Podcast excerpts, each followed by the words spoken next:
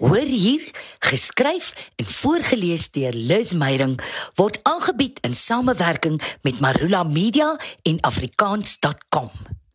Met smaak. Geskryf en voorgeles deur Liz Meyerink. Ek bly verstom oor hoe smaak verskil. Die een se kitsch is wraggies die ander se kroonjuwele. Wanneer ek en vele ander van my soort in die vermaaklikheidswêreld op toer is, is dit vir al die oornagplekke wat konkreet bewys hoe smaak verskil. Kyk, die mense doen moeite vir ons performing gypsies, baie moeite. In elke gasvrye dorp of stad het deesdae sy spoggastehuis, 'n 3 of 4 ster plek waar ons gewoonlik beland. Die gemak en netheid is fantasties. Dis net die smaak van die sterstyl wat hemelsbreed verskil. Vrydag aand gaan ek tuis in 'n Afrika tema. Hier word ons vasteland in oordaad gevier. Reeds in die ontvangs is die tema van die plek met 'n naam wat net uit klinkers en tonklike bestaan, onmiskenbaar sigbaar. Wonder Rock mure ala die Flintstones en opgestopte bok op 'n leeu en sebra velle, ook kompleet met koppe, is so volop dat ek al wil glo die bonkige foksterrier wat op die vel van 'n oorlede grootwild spesies lê en slaap, dalk ook onder taksidermie deurgeloop het. Ek is skoon verbaas toe die hond nuuskierig opkyk 'n sterk swaaiend naderkom. In my reuse suite lewe dit van dooie diere. Vier buffelkoppe met glasoë volg my doen en late. Boka die bedstel is 'n reuse relief met 'n trop olifante in volle vaart. Daar's velle, 'n gekerfde swart houtmeubels met olifantpote, inboorlinge met neus en oorringe, Afrika maskers, driepoot potte en 'n houtgedoente van 'n bad so groot en wyd soos die Zambesi sonsondergangkleure met 'n groot wild ontwerp versier die beddegoed. Dit maak nie saak hoe ek die lakens en kussenslope probeer plooi nie. Jy kyk uit elke hoek vas in 'n groen tieroog wat vir jou loer. Ek is jammer. Ek sal nooit weer vleis eet nie. Fluister ek bang voor ek aan die slaap raak. Saterdag aand slaap ek aan die Natalse kus. Dis 'n vreeslike imposante gastehuis wat glo binnekort tot 'n butiekhotel herdoop gaan word. Wat is die verskil wonder ek nog altyd. Ek kry die witbrood suite met 'n uitsig op die strand reg teen my suite. Jy sal versigtig moet woel in hierdie witbroodkamer want alles lyk vreeslik fragiel, neuroties breekbaar en vinnig vlekbaar. Daar is dik room en beige matte, fyn room en beige meubels wat 'n vuil vingermerk vinnig sal verklap.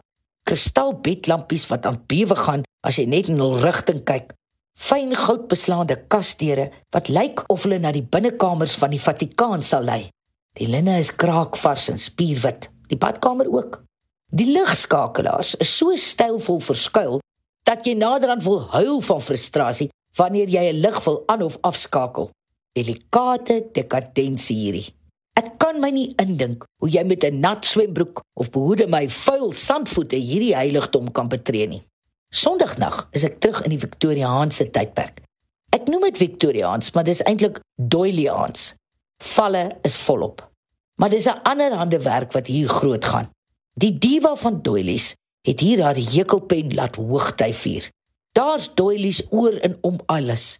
Doilie poppe, Doilies op elke bedkussing, 'n Doilie deken, Doilie gordyne, Doilies onder die suikerpot, ketel, koppies, pierings, om handdoeke, natuurlik om die toiletrand en die toiletrolle, selfs oor die deurknoppe. Alles in pastelkleure. Daar's geraamde doilies met die woorde van ou gebede en gesangverse, gestyfde doilie swane.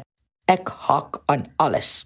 My tas, handsak, selfoon, skootrekenaar, hoekskoene, alles sleep 'n doilie saam.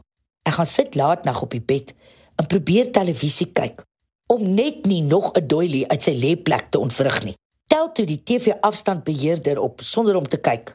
Dit voel vreemd onder my vingers. Gits, ek het nie geweet mens kry iets soos 'n gehekelde afstandbeheerder kondoom nie. Maandag aand is hipermodern. Primêre kleure, kubisties, veselglas, plastiek, rubber en bonkige modules wat 'n gesofistikeerde kleuterskool hoor, waar kinders geleer word om die verskillende vorms uit te ken. Die kamerlig is 'n neonbuis en die bed is smal en suinig. Die moderne mure is dun. Ek hoor elke snuif hoes en proes van langs aan. Daar's rye helderkleurige, verbeeldinglose abstrakte afdrukke teen die mure. Dis erg minimalisties. Die teelvloer is onherbergsaam onder jou voete. En die reuse TV-skerm loer soos Big Brother na jou. Moderne gemak is nou nie juis 'n beskrywing vir hierdie posie nie. Dinsdagnag is ek uiteindelik tuis.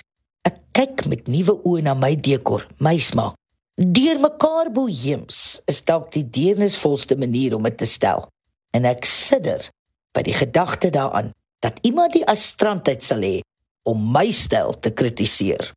Om kinders te leer en te help vorm sit in 'n mens se bloed. Om hulle te sien floreer en te hoor hoe hulle presteer, dit is die dankie vir jou ure voor die klas. En dit is vir my lekker om te sien hoe kinders wat in hulle eie taal onderrig ontvang, groot hoogtes bereik. Dalk juis omdat hulle soveel makliker en vinniger abstrakte begrippe soos wiskunde in hul moedertaal onder die knie kry. En wanneer hulle eers daar die hekkie oor is, kan hulle vlieg in watter taal ook al. Besoek afrikaans.com en vind meer uit oor moedertaalonderrig.